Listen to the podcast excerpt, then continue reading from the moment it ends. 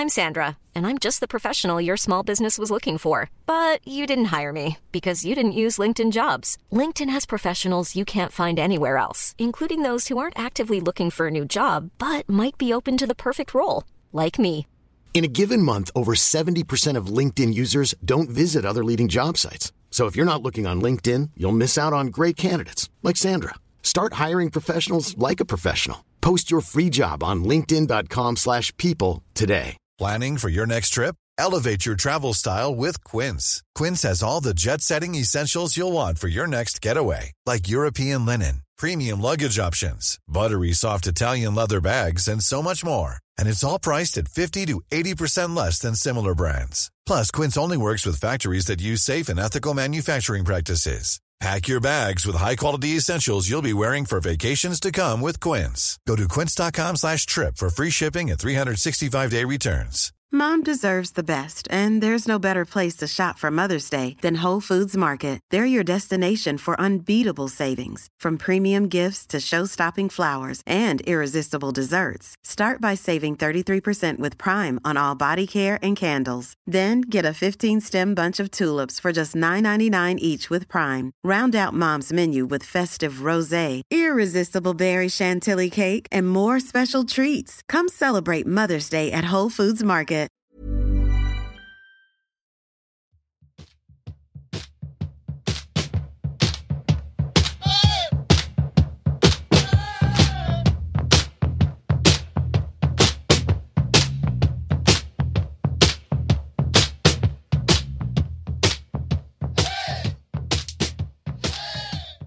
Hej och hallå och välkomna tillbaka i sommarvärmen, eller sommaren i alla fall, till poddplats Home, avsnitt 72. En podd om hockey i allmänhet, sport i allmänhet och Björklöven i synnerhet. Niklas, han är på semester och det får väl vara väl unt, men då tar vi in spetsvikarien Johan Boström. Hur är läget med dig? Jo då, det är bra. Semester och prima, prima liv. Ja, det låter bra. Vi får säga välkommen tillbaks. Du var ju med, ja, det var väl vid den här tiden i fjol kanske och, och prata inte minst NHL-draft då också, vilket vi kommer komma in på. Eh, Ja, men det är bra. Semester har jag också. Det har regnat varit småruggigt och jag kan inte säga att jag tycker att det är jättetråkigt. Sol måste vara, men eh, för varmt. Den här gubbtjuven tycker inte att värme är så. eh, Ja, det är lite överskattat kanske. Jo, nej, men det är skönt att det blir lite variation. Jag har lättare att jaga också. Men sen sist har de skjutit någon fler. Jag har sett gris, men de klarar sig. Hur som helst, i dagens avsnitt så ska vi prata om lite om sillyn, stående segment. Eh, vi ska fundera lite kring eventuella linor när säsongen börjar med den information som vi har med oss nu. Vi ska grotta ner oss lite grann i NHL-draften nu när vi har en som är kunde med oss. Vi tänker nämna lite om eh, beslutet som är taget att Teg ska flyttas ner i division 2 och vad det kan betyda för hockeyn i Umeå. Och vi passerar lite övrig sport också innan vi är färdiga. Så välkomna! Ja, silly season. Eh, spetsbacken har inte kommit in som som Kente har lovat och eh, eh, det har vi ingen anledning att tro något annat än att det förhoppningsvis är på in, ingång. Vi har också två forwardsplatser kvar eh, som man kan säga ersättare till Ekefjärd och Härjestam. Det är lugnt där, men vi tänkte att det kan smälla till när som helst med någon Kente Cam. Eh, vad, vad tror du det förresten? Alltså att Kent har ju sagt att det ska in en spetsback och jag utgår kallt ifrån att det är en rightare. Men de här två forwardsen, hur tror du man resonerar där?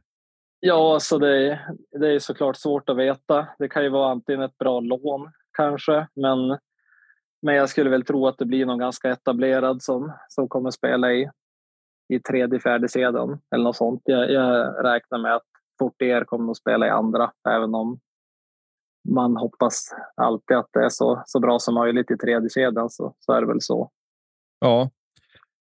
Därför om man tänker att det är ersättare då som sagt för Ekefjärd och Härjestam så eh, inte för att vara för fyrkantig kanske, men det är ju inte jättesvårt att uppgradera de två. Och jag tänker också att det bör också kunna gå utan att det kosta allt för mycket. Vi vet ju inte heller hur budgeten är. Det kanske är tänkt att vi ska bomba på lite grann på de två platserna också. Det vet vi inte. Men eh, med det sagt så vad, vad som än händer, om om en eller två av dem är kvar. Det gör ingenting för att det här kommer ju vara spelare som på något sätt, om de då blir kvar så får de ju spela i mån av skador. Men man ska ju helst önska såklart så bra som möjligt och att vi då fick större konkurrens givetvis. Uh, ja, det var vad du ville med den saken, men vi, vi kan faktiskt roa oss lite grann med att med en fiktiv right back för de två bästa backparen. Hur skulle du och jag ställa upp laget? Och också frågan, hur tror vi med den kunskap vi har nu utan att vi riktigt har truppen full? Hur tror vi att Stråle kommer ställa upp laget? Eh, om, om du börjar. Ja, om man börjar med det givna så tror jag ju då att Schilke, Weigel och Pole kommer köra. Och sen tror jag Mayer, Powell och Fortier kör i andra. I tredje, då skulle jag då tro Olofsson och Dover Nilsson. Och sen den sista platsen, då är det ju förhoppningsvis en ny spelare skulle jag säga, men jag skulle tro att det är inte omöjligt att Mustonen spelar där. Jag hade väl kanske föredragit Possler, men som jag känner Stråle så, så tror jag inte att Mustonen kanske kommer börja i, i fjärde kedjan. Utan han, han har fått mycket förtroende innan. Och sen Possler, Andersson och en i fjärde skulle jag tro. Ja, backparen då, då tycker jag att det är svårt att veta. Rahim och Kronen körde ju mycket ihop i fjol och Nörsteby och Lindgren var ju väldigt bra året innan. Och sen Johansson med, med den där nya då som förmodligen är rightback. Men, men där kan det också vara lite så här, vill man ha en rightare, offensiv rightare med en defensiv leftare som Rahim och Kronholm med varsitt backpar eller så. Det, det får vi väl se. Jag, jag tycker att backsidan är lite svårare att, att räkna med hur den kommer bli. Ja, alltså mitt resonemang är ju att alltså både eh, ja, men vad vi tror och vad man vill. Alltså jag skulle ju nog helst vilja att vi särar på Rahim och Kronholm. För de två största defensiva pjäserna vi har så man kan tänka sig Rahimi Lindgren eller Rahimi rightback och då Kronon får ta den andra rightbacken så att säga. Alltså att vi har två riktigt, riktigt bra eh, backpar där, där man då eh, har en mer offensivt skicklig spelare och en mer defensivt. Och med det som blir kvar då så blir det då i så fall Nörsteby. Kim Johansson är samma. Och jag ser faktiskt hellre att Jusela är sjunde än att Andersson är det. Eh, jag tycker att Jusela borde eh, få chansen eller ta chansen och eh, ha ytterligare en sommar på sig att äta gröt tillsammans med Stefan Öhman så han har vuxit på sig lite grann. Andersson är inte dålig så, även om han är exakt vad vi trodde att han var när han värvades vid den här tiden eller snett före förra sommaren. Han är en, eh, eh ja, en, en ah, hockeyallsvensk back, varken mer eller mindre. Och jag hoppas att Jusela som har på något vis högre tak om han få träff ska få chansen att, att spela där. Um, men jag tror väl lite grann, om vi kanske är lite inne som dig då, att, alltså att risken, eller risken, chansen är hyfsat stor att Rahimi Kronor får fortsätta. Och då får man väl i så fall ha Nörsteby, Lindgren och rightback Johansson i så fall då. Eller hur man nu ser det, jag vet inte. Uh, vi, vi är väldigt välbeställda tycker jag på backsidan så tillvida att vi får in en riktigt, riktigt bra eh, sista pjäs, vilket vi tror. Eh, forwards är vi ju, det blir inte mycket till, på till diskussion för att vi tänker exakt lika. Pole, Weigel, Schilke lär ju spela tillsammans. Man tänker inget annat än att Fortier, Powell, Meyer kommer köra tillsammans och den kommer att bli väldigt rolig att se i så fall. För himmel vad det där kommer gå undan. Olofsson centra tredje, Dove Nilsson och Mustonen. Mustonen eller Possler, det måste må väl så vara, men jag gissar att det blir så. Jag tänker också att vi, alltså vi fick inte ut Alta Mustonen i vinter heller, där han spelar så mycket center som inte är hans eh, naturliga position egentligen. Och då blir det ju Wiklund kapten Possler i så fall. Men det är precis som du säger, om det här kom in två stycken riktigt bra forwards, då har vi ju ja, men en väldigt bra konkurrenssituation och det vill man gärna ha. Sen, tyck, sen tycker jag att med de här, precis som du säger med Josela och även Dover Nilsson, att det är ju bra och önskvärt att man ge dem chansen ganska tidigt så man får se. För att skulle typ till exempel Dover Nilsson spela med Powell och Mayer så är det ju fullt möjligt att han skulle kunna lyckas väldigt bra där. Och då blir det en väldigt billig andra kedjaspelare så du kan bygga upp en till kedja kanske. Och precis samma med Josela. Andersson kan mycket väl vara bättre än honom i år. Men han vet ju lite vad vi får av medan Josela visade ju stundtals upp en högre sida i fjol där han var ganska nästan dominant vissa perioder tyckte jag. Så det är väl mer det att man, man skulle kunna få någon som verkligen blommar ut med, med de två då. Dover Nilsson och Jusula om man har lite tur. Precis. Och man kan väl också säga så här att man måste ju. Alltså, vi är där vi är i näringskedjan. Alltså, vi är i en andra division i Sverige. Må så vara att det är i ett topplag så måste man ju också våga matcha potential för att potential ska kunna blomma ut. Det är precis som du säger. Andersson vet vi exakt vad vi får av. Eh, vi vet exakt vad vi får, varken mer, varken mindre. Och då, då Ljusela har ju bättre potential än vad han har uppenbart så behöver man ju kanske ta in det i beräkningen. Likadant med Dover Nilsson. Eh, men det är ju, har vi lite flyt och det är också i det läge vi, behöver lite flyt. Får vi flyt och bra träff på Ljusela och på Dover Nilsson så kan ju det bli en riktigt bra utväxling där. Eh, helt enkelt.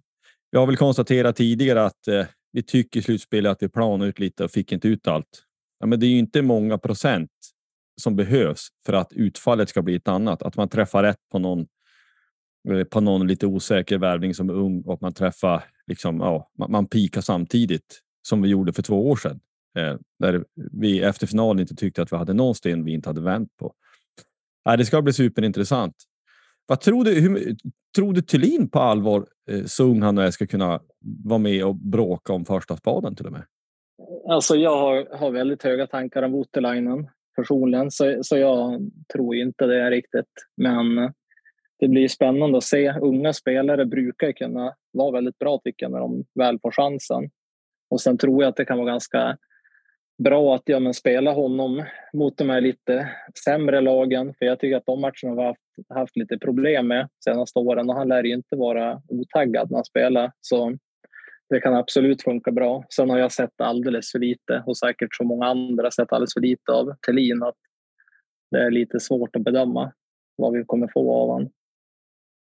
Ja, ja men så är det väl. Men att, eh, att kunna komma in och få stå de matcher han gör, hur många det nu blir eller få det nu blir, att men ha ingenting att förlora.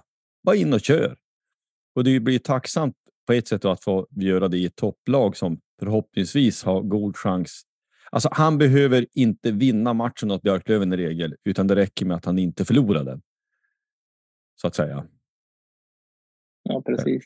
Ja, Nej, men det här ska bli superintressant. Eh, det var väl vid den här tiden i fjol någonstans som eh, jänkarna kom in.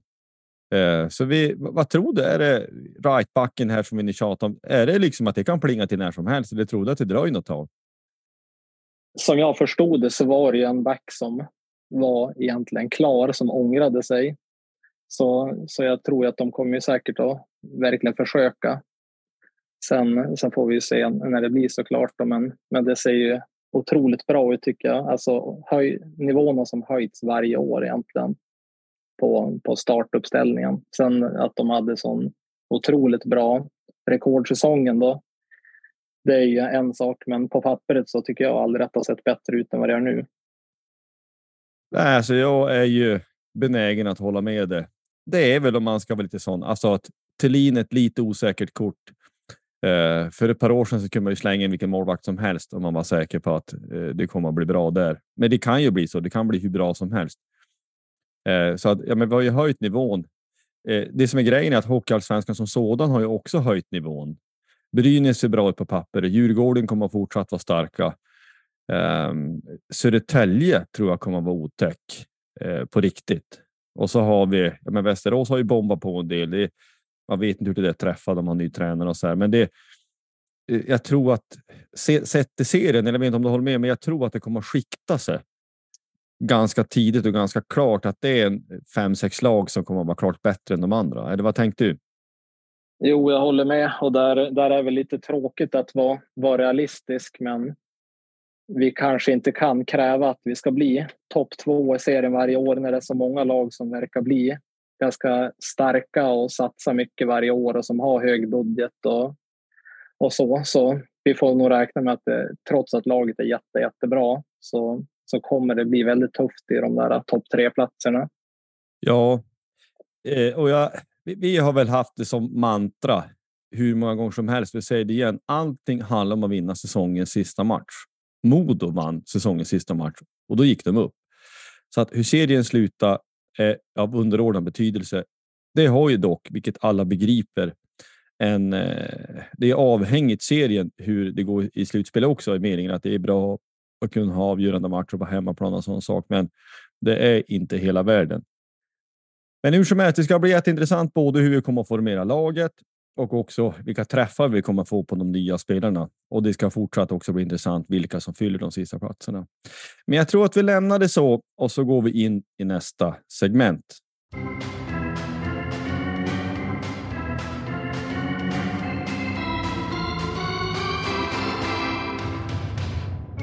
Vi ska prata NHL-draft. Vi nämnde förra veckan att Melker Thelin blev draftade femte rundan av Arizona som den, den första svenska målvakten faktiskt. Och vi tycker att det är jättekul och vi gratulerar honom återigen. Han är i USA nu at the moment och eh, eh han är den första Björklöven-spelare som draftades samtidigt som han spelade i Björklöven. Sen 2008 där det var Kristoffer Berglund som i femte rundan draftades av St. Louis då. Men jag tänker så här, vi ska väl försöka analysera det lite grann ur olika synvinklar. Jag följer NFL-draften närmare än NHL-draften, to be honest. Um, och där är spelarna äldre när de draftas. Så att det är liksom mer färdiga spelare i någon mening än vad det är i NHL. Eh, faktiskt. det är skillnad om du draftar en spelare som är 21-22 än om du gör en som är, är 18. Men hur vet, hur vet inte hur liksom analysarbetet ser ut när man försöker att utvärdera potential? Ja, som har ju såklart jätte, jättemycket fakta som inte vi vet och där handlar det om hur många sekunder tar det för dem en back att få en eh, spelvändning att leda till en eh, målchans och hur många Ja, men hur mycket läge som är när de är på plan åt båda håll och olika sådana saker. Det är, det är sånt som vi inte kanske grottar ner oss i. Men sen om man ska kolla på rankingar och sånt där, sånt som kanske sådana som vi gör inför. Det är väldigt tydligt när, när draften väl går att inte de här officiella, vad säger man, offentliga listorna, de är inte riktigt likadana som NHL, NHL-scouternas listor. Det var väldigt mycket som skilde mot de här stora sidorna och tidningarnas rankingar. Det, det går som inte att säga att oj, han föll jättemycket. Ja, men det kanske inte riktigt var så de här scouterna tyckte heller. Nej, för det är en tanke också med att ja, men i, jag utgår från att det är kallt NHL, precis som i NFL, att du har psykologer och beteendevetare och, för att liksom ta reda på vad det är för sorts människa.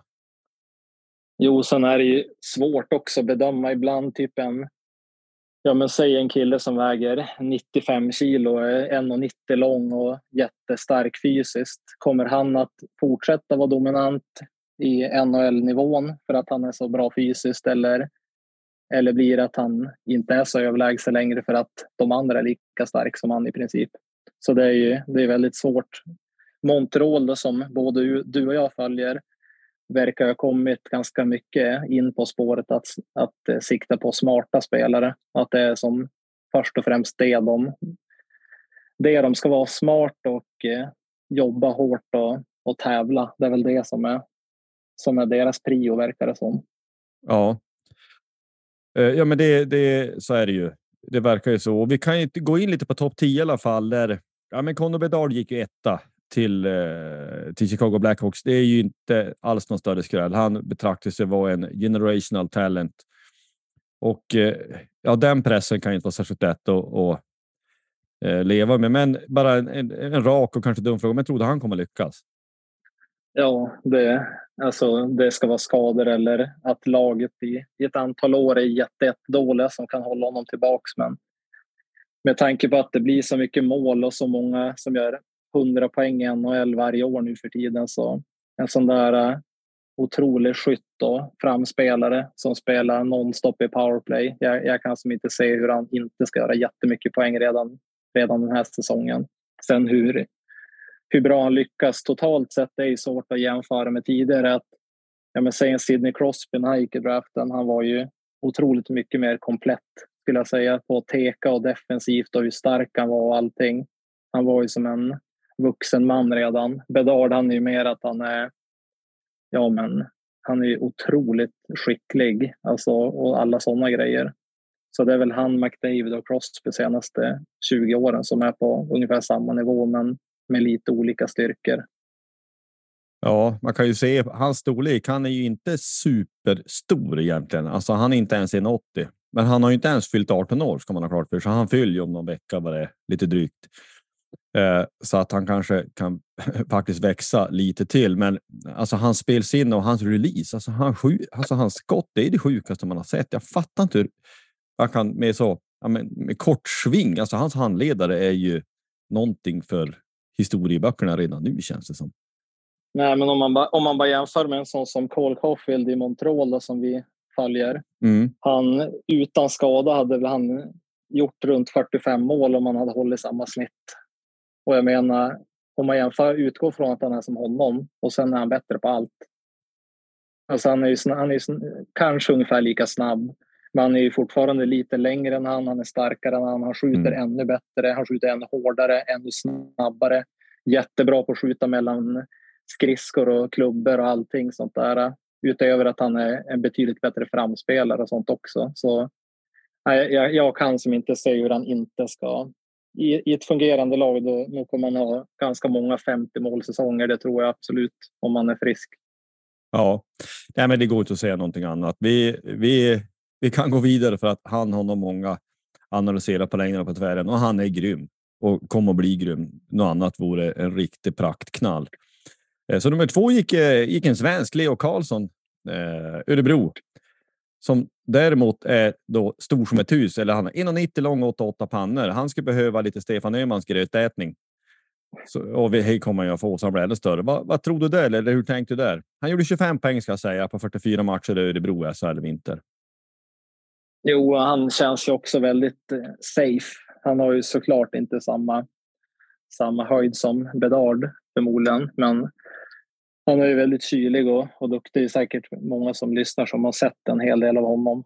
Men eh, ja, jag har även där svårt att se att han ska misslyckas. Han är ju ja, men lite, ja, men lite Malkin light, inte på samma nivå då såklart och sämre skott kanske så, men väldigt duktig på att täcka puck och hålla i den och kylig och sådär med, med allt och bra spelsinne. Så det var det väl lite oväntat ändå att han gick tvåa tycker jag. Han hade hade kunnat hamnat ett par platser till ner om det ville sig lite illa. Om man nu bryr sig om hur tidigt man blir draftad. Men det ska väl också sägas att den här draften betraktas ju vara stark offensivt, alltså på, på forwardsidan. Så att det är lite hugget som stucket också. Eh, ja, men vi kommer in på, på ett par gubbar alldeles strax, men jag, jag ser här också att han, han gjorde 13 matcher med U20, eller alltså med J20-landslaget och gjorde mer än en poäng per match. Han gjorde 17 poäng på 13 matcher och fick också spela VM. Så att det är ju. Eh, ja, det här ska bli superintressant som sagt och han har ju storleken och allting. Um, det beror väl också på så är men hur, precis som för alla spelare, hur vilket lag de kommer, hur bra de är och hur. Han är väl egentligen den, den svensk som är aktuell för att lämna eh, lämna, vad säger, för att gå direkt till NHL och kliva på, eh, kliva på det liksom direkt efter draften om man så säger. Eh, om jag förstått det rätt. Men ja, sist ord är inte sagt, men det ska bli intressant att se. Men vi fortsätter i alla fall och säger Columbus Blue Jackets tog Adam Fantilli eh, från Michigan Center. Vad säger du där? Ja, han hade ju en helt sjukt bra säsong. Han trodde jag skulle gå två, men han gjorde ju gjorde ju nästan två poäng per match i NCAA som är en väldigt svår liga att göra mycket poäng i. Och det är bara att kolla vad, vad vissa duktiga Lövenspelare har gjort där genom åren och sen tänker du att han som innan draften till och med vinner MVP i den där serien när det är ja, den svåraste serien i, i USA och de här ungdomsligorna. Han är ju inte, han är inte lika smart som de här ja, men Karlsson och Bedard och även Smith som gick just bakom honom. Men han är otroligt, otroligt bra på att åka skridskor och skicklig och fysisk och intensiv. Det är också en spelare som svårt att bedöma exakt vilken höjd han kan nå, men det är helt omöjligt tycker jag att han inte ska bli en bra NHL-spelare. Han har ju som alla fysiska tools och skills och sånt. Vissa såg han säkert i VM och så. Och han är ju på så sätt väldigt säkert val. Jag trodde nog han skulle gå tvåa, men jag tycker ja. väl inte att det var fel att Karlsson gick där heller. Det är nästan stöpt i samma form om man ser bara på längd och vikt. Han är någon centimeter kortare och väger lika mycket. Men han är betydligt mer aggressiv och fys fysisk. Det är inte, mm. Om man inte bara ser på statsen så, så finns det en annan spelstil tycker jag. Han är mycket mer intensiv. Ja. ja men det ska bli intressant. Um, alltså man investerar ju mycket måste man draftkapital. Alltså, de som nu draftar eh, tidigt, de gör ju det för att de är dåliga. Och får du in och få en bra träff på ett tidigt val så kan du ju.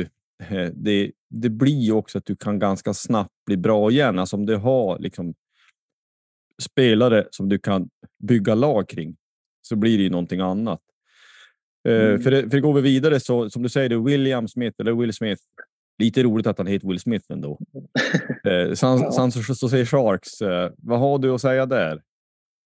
Där skulle jag väl säga att det kanske nästan är topp 10 spelaren eller topp 10 valets mest. Eh, vad säger man? Förutom Mitchkov så är det väl kanske den som har som har mest potential att skilja väldigt mycket i nivå.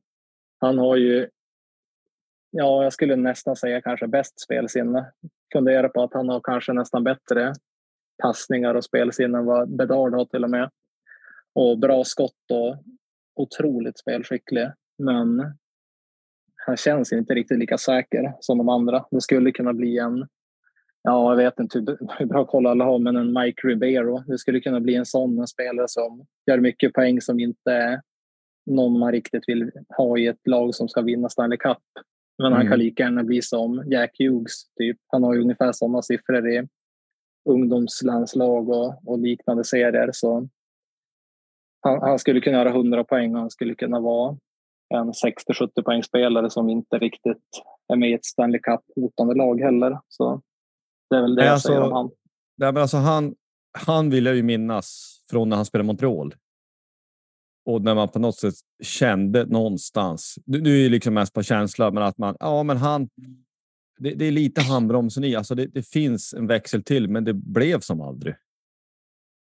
Nej, och där är det ju frågan också vad man vad man vill ha om man i slutändan som du säger, vi siktar på att vinna sista matchen på året. Vill du hellre ha en spelare som gör 90-100 poäng som är lite bekväm av sig eller vill du ha en Peter Angelo, en back som är, spelar 25-30 minuter och aldrig har ett fel nästan och som alltid är topp tre bäst på plan i princip i ditt lag. Mm. Det, är, det är lite vad du, vad du letar efter. Helst vill jag båda såklart, men det är lite så på Montreals val också, nummer fem, som vi ja. kommer in på. Ja, men vi går in på det, men vi kan väl också säga det här också att eh, som de flesta. Ja, vi kan ta det sen förresten. Ja, jag återkommer, men vi tar nummer fem då. David Ray Reinbacher, plåtarna, schweizare som går till Montreal och det är den första backen som går. Eh, jag såg lite reaktioner på eh, olika flöden och folk var ju fullständigt stormtokig. Var du också det? Eller? Ja, eller först och främst han är från Österrike, men han spelar i Schweiz. Ja, men, ja, men eh, ja, ingen fara. Nej, men Ja, det beror lite på vad man ska säga. Jag varit väl lite som besviken i början, men sen ju mer man har, har accepterat, accepterat eller på att säga, så, så känner man att det här var inte något, något dåligt val. Och det har kommit mycket, mycket rykten och prat om att det var ganska många lag som ville, tra ville trade upp sig och att det var just honom de tänkte ta de där lagen. Det var några som ville ta Mitchkov då, framförallt Philadelphia som, som fick han sen.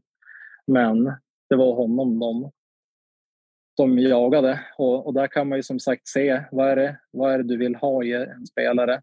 Han, han kommer förmodligen spela 25 minuter per match ifall han lyckas. Och jämför man, ja men schweiziska ligan är ju ganska jämn som SHL är i nivå. Och jag menar, han gjorde i princip exakt lika mycket poäng som Leo Karlsson gjorde där som back och som dessutom inte ens offensiven som sin styrka. Så jag menar, han hade mest istid i sitt lag. En 18-årig back i en liga där det finns upp och nedflyttning och ditt lag hotades om att flyttas ner och sen spela mest i hela laget som 18 år med näst bäst plus minus och gjorde 22 poäng. Det är ingen dålig säsong för en 18-årig back. Nej, det är det verkligen inte. Hur, hur tror du resonemanget gick? Eh, för vi kom in på en sån som Mitchkov, att man hoppar över honom. Hur tror du man tänkte där?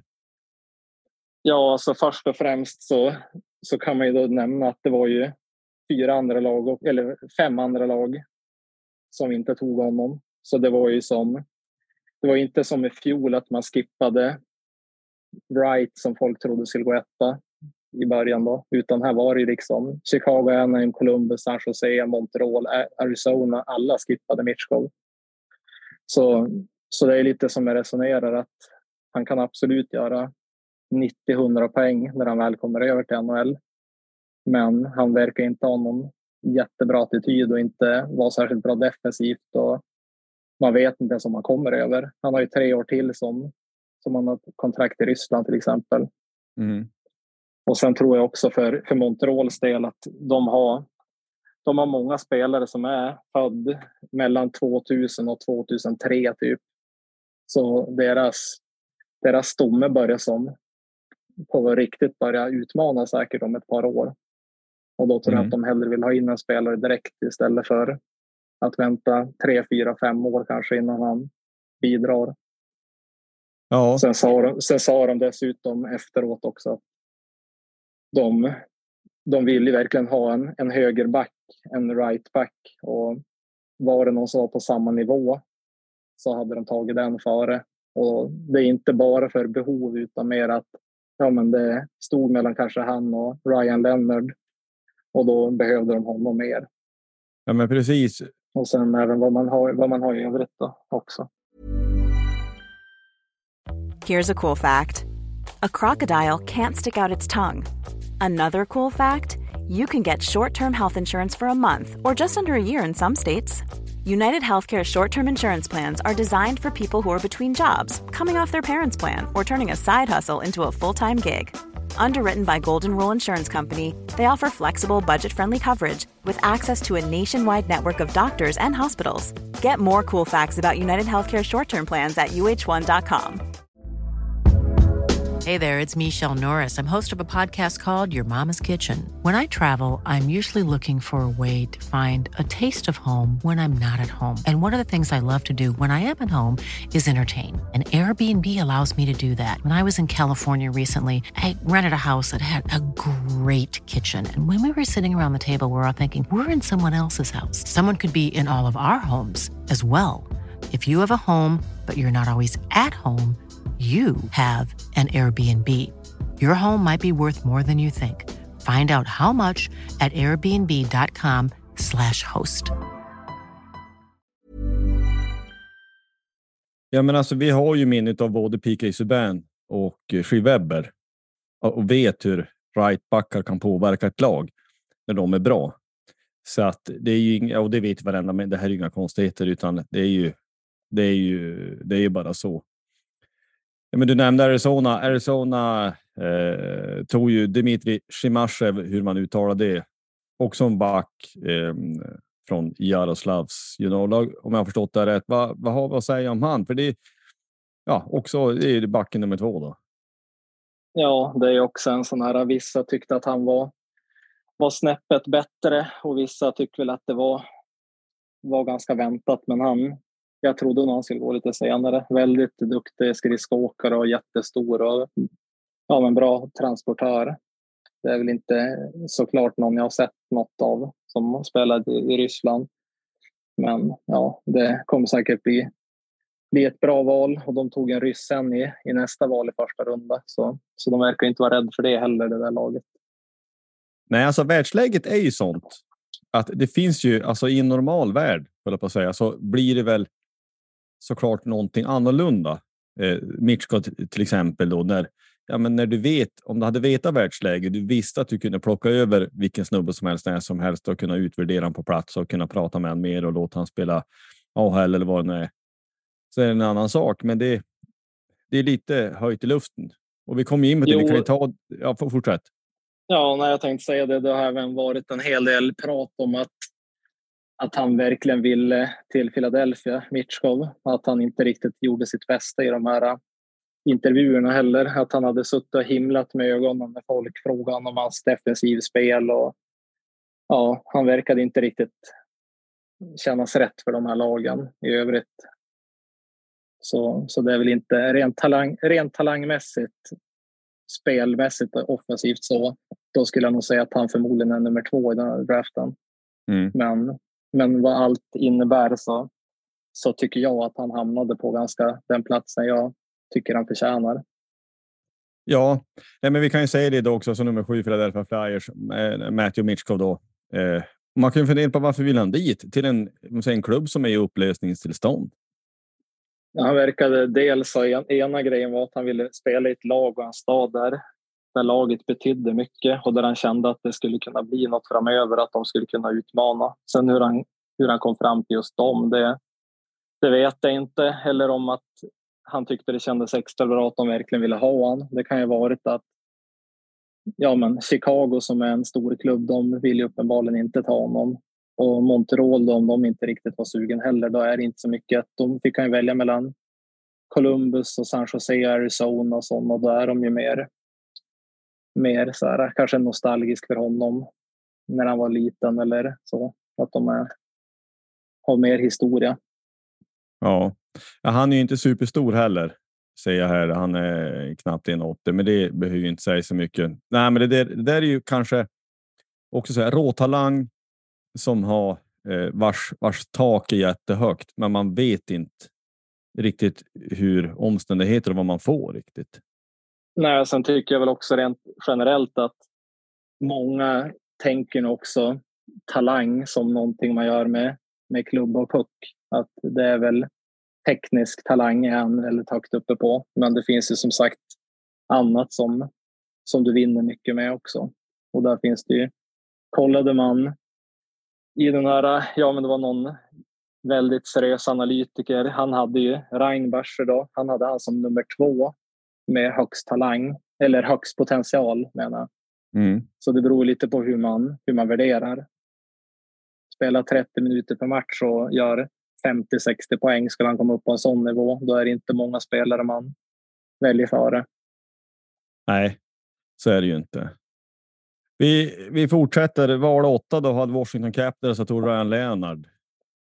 Eh, han, trodde jag skulle, ja, han trodde jag skulle gå till Montreal. Det var väldigt mycket prat om honom och samma sak Arizona verkade också väldigt högt på honom. Han är också en spelare som, som är otroligt eh, safe Alltså, det betyder inte att han inte skulle kunna bli jättebra, men han är väldigt hårt jobbande, snabb, bra skott, teknisk för att vara sån där. En, han är som en ja, men, tidig Oshie ungefär, skulle jag säga. Det, det mm. känns som att han skulle, han skulle inte kunna misslyckas. Sen om man når jättehöga höjder, som sagt, det, det, det, vet vi inte om någon såklart. Men, men han är ju i alla fall en given NHL-spelare i min värld. Precis som nummer nio Nate Danielsson. Han känns också en sån här som har alla verktygen och ja, han kommer spela NHL. Så känns det. Ja, ja men precis. Dan, Danielsson han gick till Red Wings. Men jag skulle bara säga, alltså både Leonard och Will Smith kommer från det här U18-laget som USA. Eh, har du närmare koll på? Alltså jag vet att det är ett särskilt sammansatt lag som de har för de största talangerna. Jag, jag blir inte riktigt klok på det där. Har du bättre koll på vad det handlar om egentligen? de spelar som i flera olika serier och, och byter under säsongen. Jag har inte exakt koll på uppsättningen, hur de, hur de kör. De, de spelar ju både USHL och NTDP, alltså de här programmen. Men det är ju det är också en liten grej som är lite svårt. När de hade tre stycken väldigt duktiga som gick i första rundan och ganska tidigt också. Då är det svårt att veta hur mycket produkt av varandra de är också när de är, alla tre spelar så bra ihop. Men ja. Ja, för det är väl också om du sätter ihop ett gäng av de bästa som finns i sin årskull. Det blir ju liksom i, praktik, i praktiken ett juniorlandslag nästan som blir ett klubblag också. Och det blir lite stökigt eh, kan man väl, eller stökigt, men det har väl ändå blivit lite eh, ganska bra ut, eh, utfall på det där, så det, det, är väl ingenting man kan säga att de gör fel, men det är så annorlunda mot för överhuvudtaget svensk, eh, svensk idrottsrörelse ser ut. Men eh, något också om Nate Anderson, vad du tyckte där? Du sa lite grann, men lite mer. Han är en ja. lång. Jo, jag tycker att en som sagt en spelare. Han, han gick lite tidigare än jag hade trott, men, men det är också som sagt, han har ju som alla alla ingredienser för, för det på så sätt och han gick ju till laget som Icerman, är general manager för och det känns som en spelare som, som han borde tycka om väldigt mycket. Väldigt tillförlitlig spelare som, ja men som sagt som är väldigt bra på allt.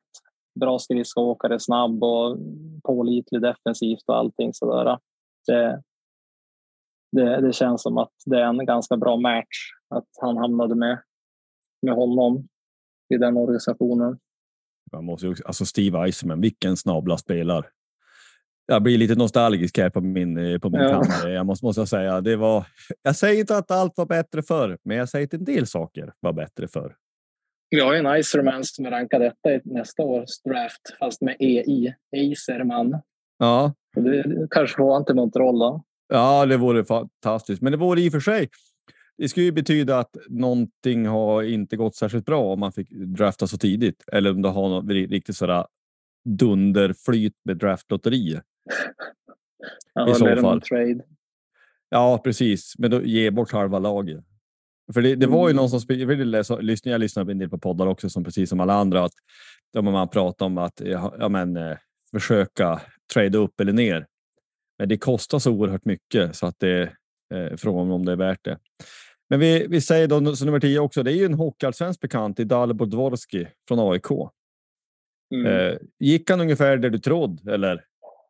Ja, jag tro, trodde han skulle gå någonstans mellan typ 7 och 12 där, där kring. Jag, jag tycker att jag tror att de som ser Hockeyallsvenskan underskattar honom lite grann. Han är nästan den enda spelaren som spelar center bland, bland vuxna då, om man säger så. Han är pålitlig defensivt och stark och skjuter bra och gör jättemycket poäng i, i landslaget och så där. Så jag, hade han spelat i OHL eller VHL då tror jag att han hade gjort väldigt mycket poäng.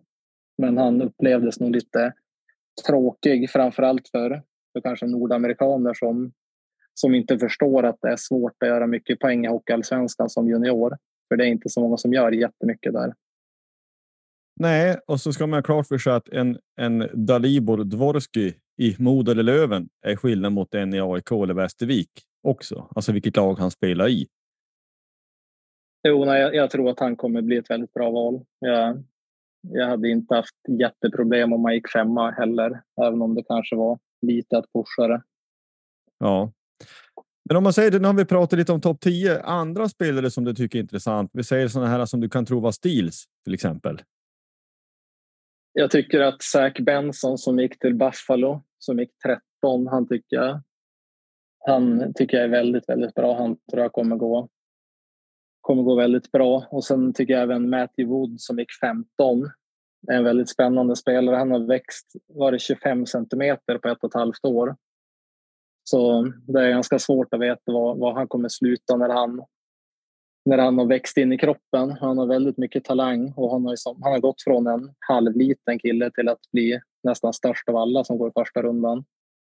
Man undrar ju vad det var för grötrecept han fick i sig. Ja, ja nej, men han tycker, sen tycker jag, nu ska jag inte gå djupare in på varför jag inte tycker att Chicago förtjänade alla sina bra spelare det här året, men jag tycker även att de gjorde ett till väldigt bra val. Då. Oliver Moore som nummer 19 tycker jag är bästa skridskoåkaren i draften tycker jag. En center som är väldigt duktig. Han tycker jag också gick egentligen för sent.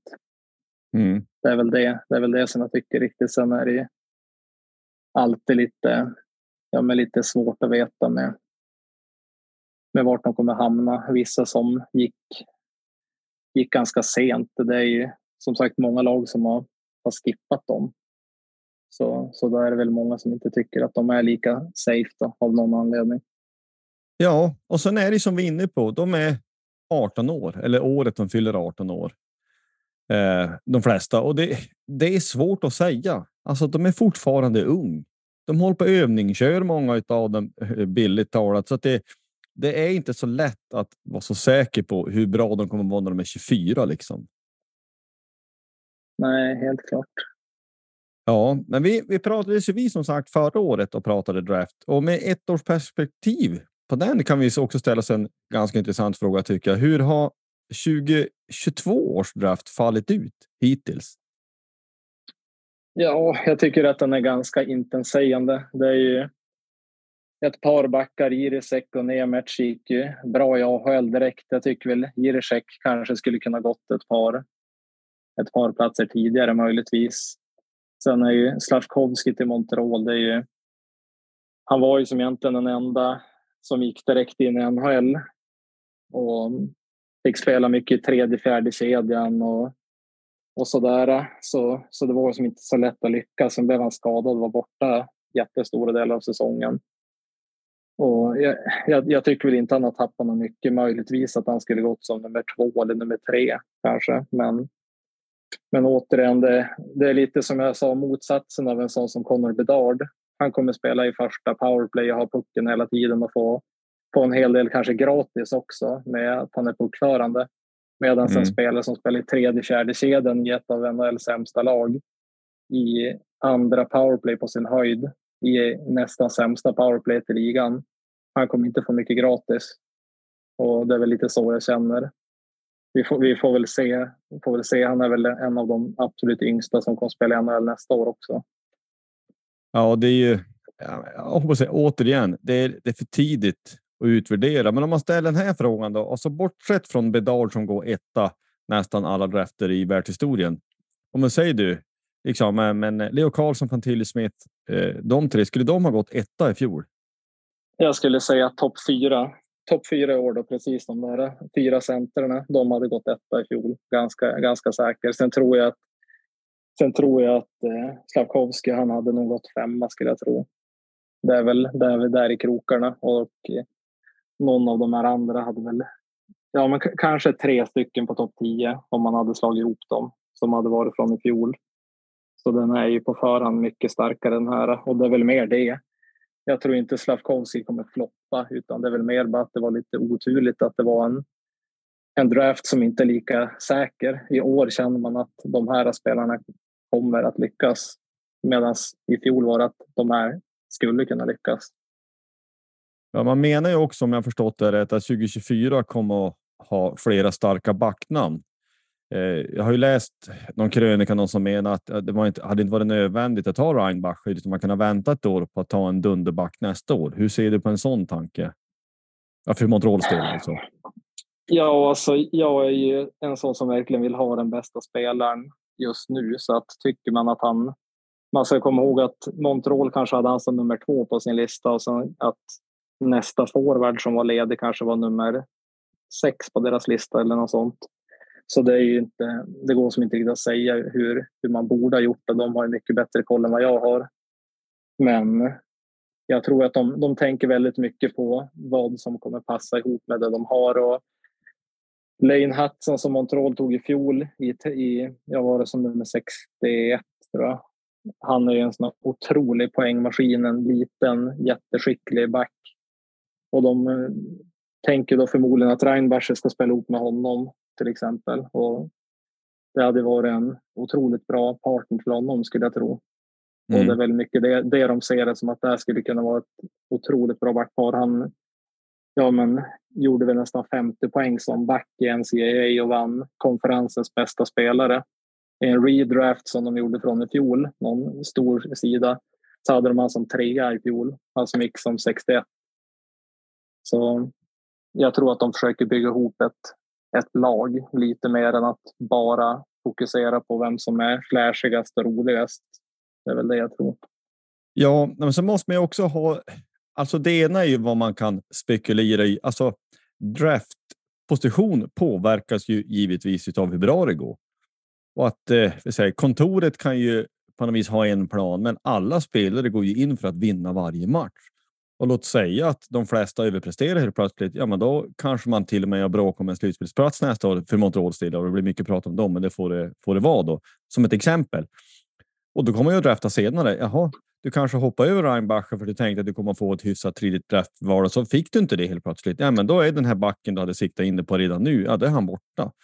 Så att. Eh, jo, sen var, det för, sen var det för ett år sedan som heter Cam Allen som, som gick i draften år jag vet inte hur långt han gick, men det var ju ja, vad kan det vara, fjärde, femte rundan. Han var ju rankad etta av backarna för ett år sedan. Så det är Mm. ju inte så, så lätt att veta. Det finns ju det var ju någon som gick för, ja kan det vara sju, åtta år sedan, han var rankad etta och sen året efter gick han som sista spelaren i sjunde rundan. Så det, det är alldeles för tidigt att kunna veta. Det kan hända så himla mycket Ja. på ett år också. Det är verkligen så. Men för att lite grann knyta ihop det. eh, Så eh, vi måste ju ta en till Florida, nej Florida, vad säger en till eh, Montreal koppling där att jag såg att Arber Schekas bror Florian också draftades som Montreal. Det blir man ju glad för ändå. ja, och sen bröderna Dover Nilsson hamnade i Detroit båda två. Det var ju Ja, också roligt. Det är ja roligt riktigt. med syskonpar tycker jag. Ja, men verkligen. Nej, men det är ju, vi kan påminna den minnesgode, vi minns säkert med att Arber var ju en som har tagit den långa vägen och han har minsann kämpat sig fram och han är stor som ett hus och stark som en björn och eh, kallas för wifi. Han har så krångligt efternamn tyckte han. Jo, nej men och brorsan är ju inte lika extrem på den fysiska biten men han är ju väldigt taggad på slåss. Det har man fått se på lite videos. Han är ju en väldigt eh, stark energispelare i alla fall men är forward. Så det skulle vara intressant att se om han kan, kan lyckas. Men det, är lite, han, det kändes som att han hade nog inte gått så där tidigt om det inte var att de hade brorsan. Det var nog lite att de reachade skulle jag säga. Ja. ja, men man får hoppas att det faller väl ut. Det är bra om man också. Han är ju draftad eh, från eh, från ett svartgult lag. Så det är bra att han får byta färger. Det blir bra. Eh, vill jag också få fört till protokollet. Ja, men alltså, det här är ju ganska kul. Det, det, det blir på ett sätt mycket spekulation, men det är ju liksom eh, den kommande generationen, så jag vill fira säga, från tillhör i den här generationens spelare i någon mening. Men alltså man, om man skulle tänka sig, men, så här, fyra, bara fyra, fem år framåt så, så har vi några dunderspelare av de här. Det kan man ju inte tro någonting annat. Nej, det känns verkligen så. Och det, på förhand var det en av de bästa drafterna de senaste 20 åren och vissa av de åren har ju varit brutala om man kollar tillbaka vilka spelare som gick de åren. Ja, Det var två- 2003 var ju, var ju helt otrolig till exempel, men även 2017. Men 2005 2003 då var det alla de här Erik Ståhl och Ryan Suter och Dion Phaneuf, Jeff Carter, Dustin Brown, Zach Parise, Getstaff, ja, Corey Perry, eh, Shea Webber. Det är inga dåliga som gick samma år. det är ju idel finsmakande namn måste man ju säga. Ja, och Börje Rowan gick också det året. Ja, Ja, men det, det är ju fantastiskt. Jag kom på en sak som jag lite grann glömde förut, men vi kan knyta ihop det med det här segmentet. Ehm, 27 juni har ju passerat med ett par veckor och nu återstår ju för att någon spelare ska värvas eller kunna värvas utan att ha blivit utköpta från Hockeyallsvenskan till SHL. Det är ju att NHL signar någon draftad spelare. Eh, och det är väl egentligen bara som vi har varit inne på förut, Leo Karlsson som är egentligen aktuell för den saken. Eh, så jag ställer frågan. Det blir på ett sätt rörigt, men ändå inte. Jag tror folk lyssnar, eh, lyssnarna hänger med. Vi får ju behålla alla amerikaner som det ser ut. Hur är det möjligt och hur kom det sig, tror du? Ja, det är ju otroligt lyckligt på så sätt att ja, men både Schilke och Poli känns ju egentligen för bra. Alltså det är en, en power forward som gör nästan 30 mål och en som har gjort mest poäng av alla importer på en säsong. Men sen är de ju, ja men de börjar ju närma sig 30 och båda har sambo slash fru och verkar ju trivas väldigt bra. Och ingen av de här spelarna har väl egentligen i sitt liv drömt om SHL. Så det är väl de, är, de har väl bra lön och, och trivs väldigt bra i Umeå. Och sen känner de att lyckas de, då kan de gå upp med Löven, kanske få någon bonus om de går upp. Och oavsett om de går upp eller inte så har de ju förmodligen kontrakt nästa år med Löven också och flera år framåt. Så jag, jag tror inte de har det något sämre än, än Wessel eller någon sån här som väljer att byta och inte riktigt lyckas. Så det är ganska, ganska säkert att stanna i ett lag som Löven som är så där bra och har möjlighet att ge dem bra lön och som de trivs i och där det har funkat för dem. De är ju som lite idoler och hjältar i staden. Det har de kanske inte varit under, under tidigare karriärer. Nej, ja, och sen är det ju också en aspekt som jag är så lätt att glömma bort att man tror att alla spelare i alla lägen alltid vill spela i vad säger, bättre lag och högre ligor. Men det finns väl fler värden. Eller att det är bara sista kronan som alla är ute efter. För jag, jag tror inte att det är så. Jag menar, Nej, var... absolut. Jag, jag, jag ursäkta att jag avbröt. Men, men det, var, det var som jag sa i fjol. Jag minns att jag sa det i fjol när, när de tog Poli. Att det är en ålder jag gillar väldigt mycket. Att lyckas du med en spelare som är snart 30 år. Det är inte säkert att SHL tar den till varje pris. Alltså de satsar mycket på unga spelare, många lag och har du tur då kan du behålla dem i, i många år ändå, fast de är relativt... Hade Pole varit 21-22 då hade han aldrig varit kvar. Nej. Nej, och det är också så här. Man måste ju eh, liksom, precis som du säger, och det gäller ju i någon mening svenska spelare fast på annorlunda sätt. Jag eh, har säkert nämnt det förut, men jag säger det igen. Jag har ju kört en del buss åt eh, eh Umeå Buss tidigare, alltså Bussurban som kör hela Björklunds organisation. Eh, och han har ju skjutsat så mycket spelare och liksom, det, man kan också konstatera att det finns. Ah, det är många som är duktiga på hockey. Men det behöver inte betyda att hockey är det enda intresse du har. Alltså har du familj och du trivs och ja, men du får spela powerplay-minuter. Ja, men att gå upp en liga och sen få spela tredje, fjärde line kanske inte superintressant. När du dessutom ja, men då ska du byta skola för barn och liksom sådana saker. Alltså det finns så mycket sådana grejer också involverat. Jo, eh. helt klart. Nej, jag, jag, tror också som sagt att det, det, är inte så självklart val som alla tror. Det, det, är, det är säkert att stanna. Sen, sen kanske en, en lyckad säsong i ett SHL-lag hade kunnat göra att de fick väldigt, väldigt hög lön. Men kan, man kan faktiskt också förlora på att byta. Och det, mm. det är väl det som är man, och man ska inte underskatta heller hur gärna ett lag vill ha någon heller. Om Löven verkligen, verkligen, verkligen vill ha kvar Schilke och Pole och även Portier och Kronholm till exempel så kan det väga ganska tungt än om ett lag erbjuder en tredje linesplats sent efter att de har kollat vilka NHL-spelare som inte får kontrakt. Det kanske inte är, kanske inte är jätteroligt heller om du ändå trivs så bra i en stad. Ja, ja men det är ju, det är ju liksom hela utgångspunkten. Det är klart att folk vill bo i Umeå. Redan där borde det vara färdigt, färdigdiskuterat, sa han som aldrig har bott där till och med. Ja.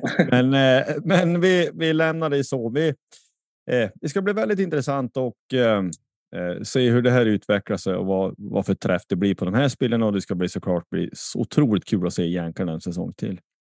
Men vi går vidare.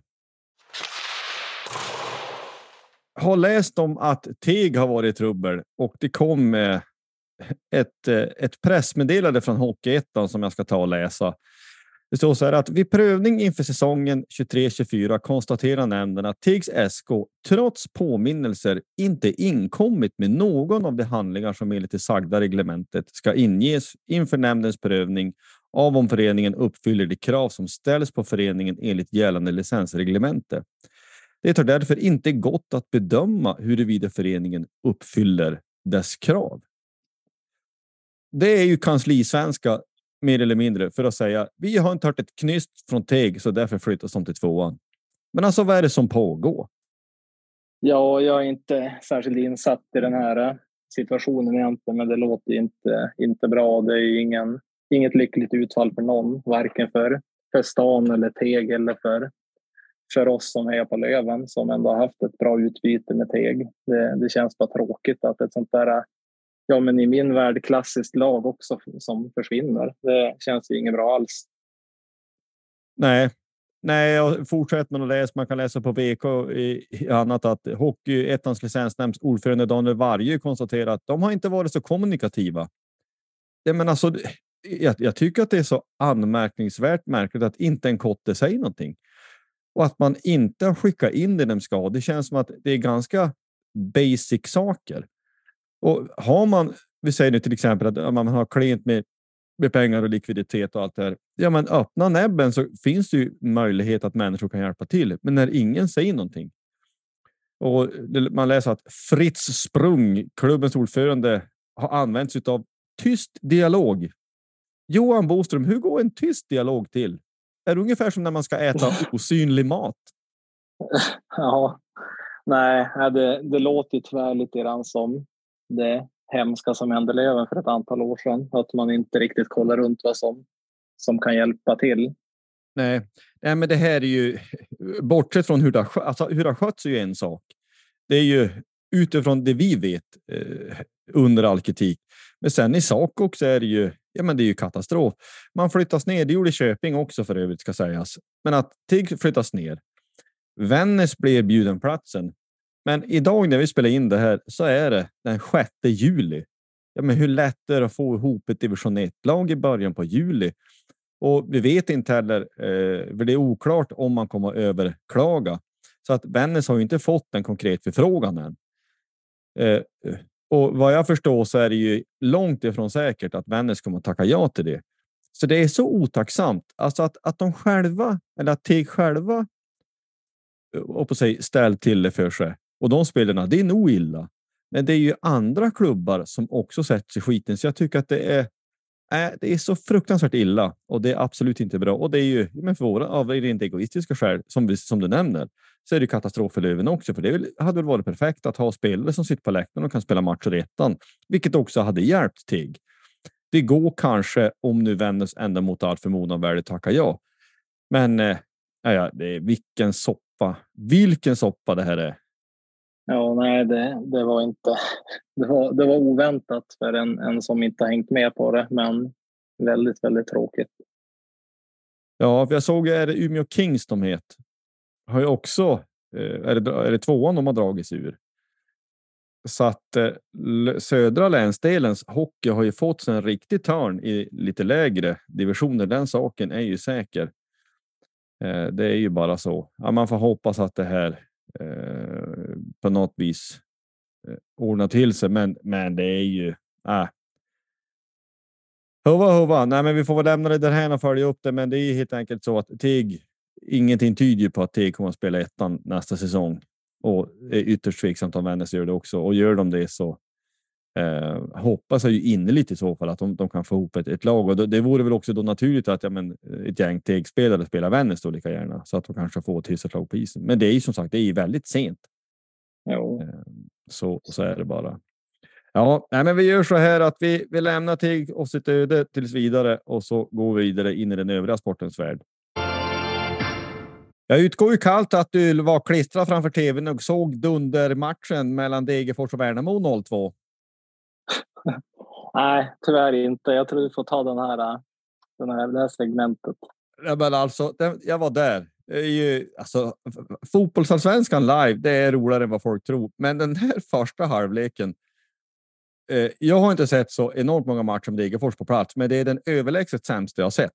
Första halvleken. Det var helt otroligt. Man tänker ändå att nu har det varit uppehåll, nu har man fått träna, äta eh, sill och midsommarmat och allt vad det är och verkligen kan komma tillbaka. Eh, men det var, det var otroligt dåligt. Och Värnamo vann ju som sagt med 2-0, inget snack. Eh, de hade bättre laget. Men eh, om vi säger att Degerfors fick 10 frisparkar, så nio av spelar man snett inåt bakåt. Man tänkte, har alla förvandlats till Daniel Andersson helt plötsligt?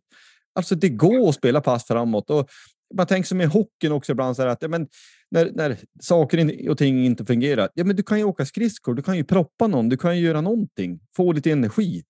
Men spring, gör vad som helst.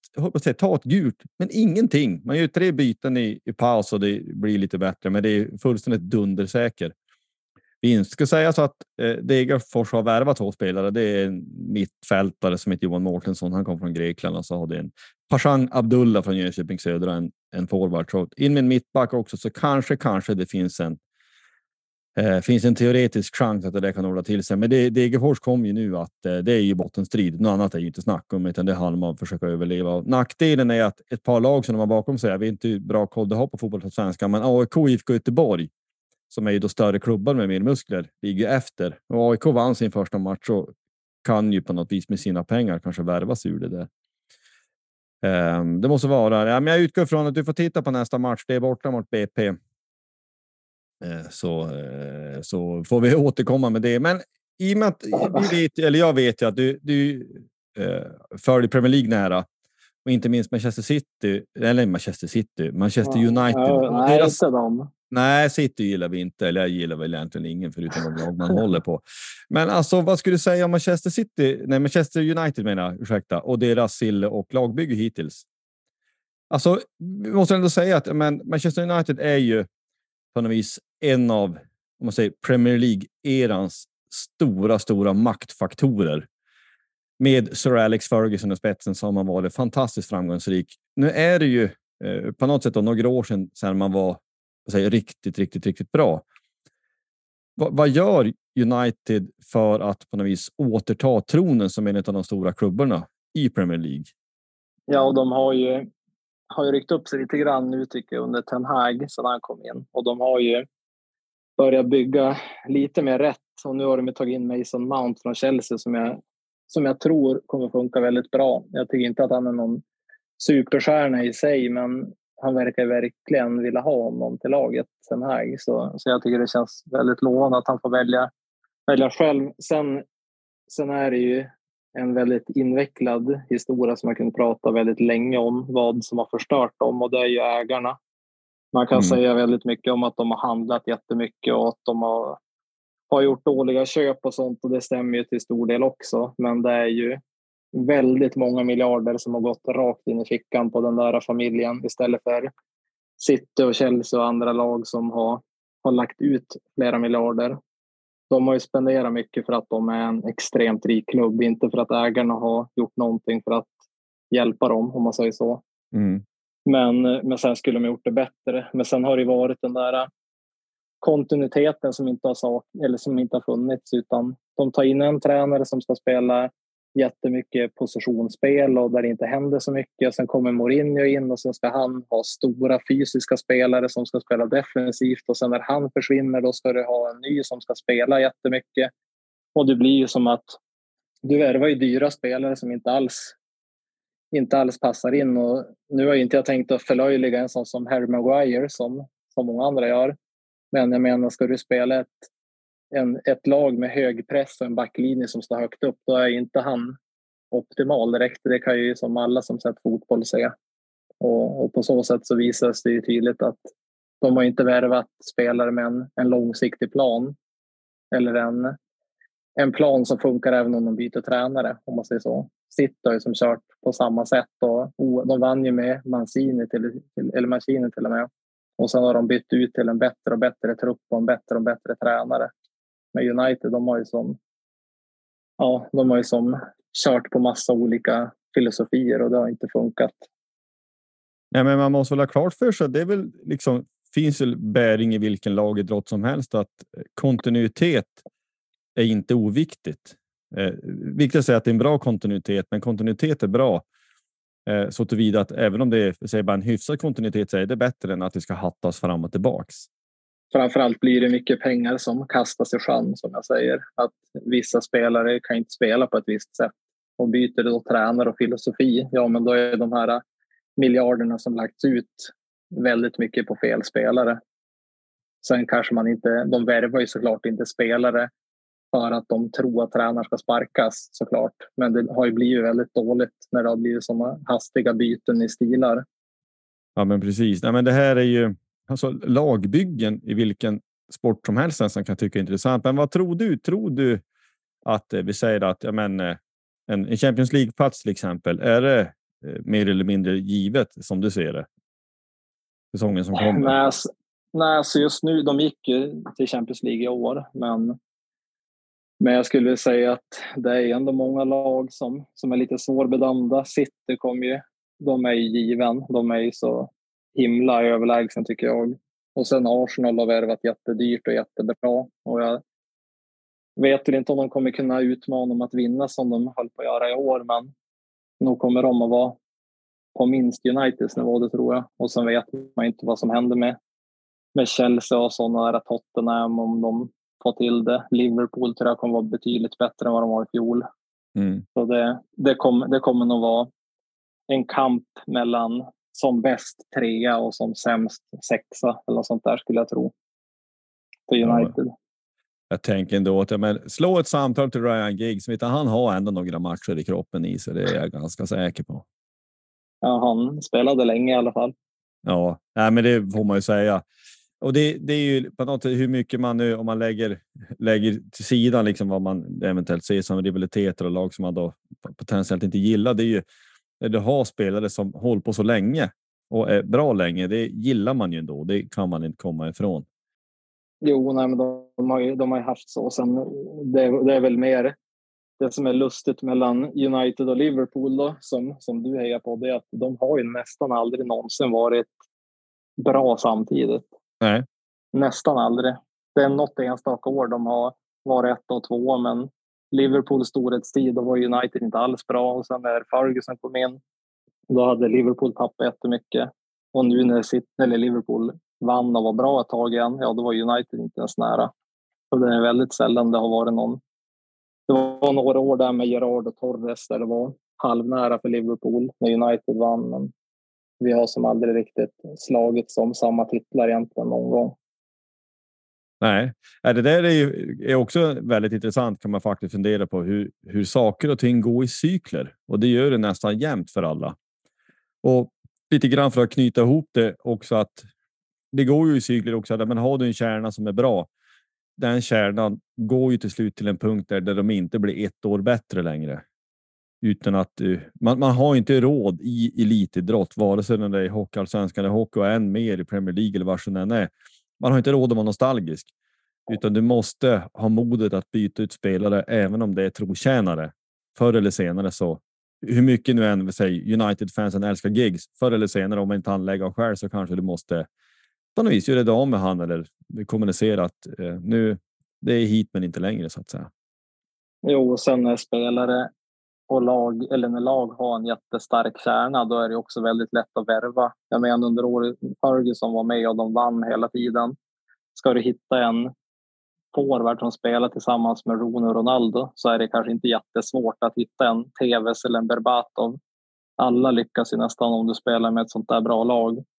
Men nu när det knappt har funnits någon mitt, mitt eller in, fält eller någon ryggrad. De har ju som under många år haft väldigt dåliga både mittbackar och innermittfältare och knappt någon striker. Då är det liksom inte så lätt att, att få ihop det. Nu har de ju som byggt upp den biten. Hela, hela mitten är ju så himla mycket bättre än vad det var för några år sedan. Mm. Och det är mm. då det börjar hända lite saker. Det är lättare att värva en ytter som är duktig om du har två bra mittbackar och två, tre bra innermittfältare. Precis. Det är, det är som ändå det som är kärnan i, i startelvan. Ja, vi får be, de får ringa till eh, Patrik Werner, sportchef i Degerfors och dela ut lite tips. Kanske dela ut lite pengar ännu mer. Ja, nej, men jag tror vi går mot avslutning. Jag, vi vill ju, jag vill verkligen tacka dig Johan för att du ville vara med. Att nörda ner sig ja. lite grann i NHL-draft är ju fantastiskt kul och, och prata Löven. Det är ju ett, det är ju ett helårsprojekt. Det här intresset lämnar ju en aldrig oavsett årstid. Eh, vi säger väl som vi brukar göra. Tack för att ni har lyssnat och vill ni ha tag i oss så finns vi på sociala medier. Det är bara att söka på poddplatå. Likadant så har vi en mejl poddplatå.gmail.com. Maila om ni vill någonting. I övrigt så säger vi Forza Löven och ha det så gott.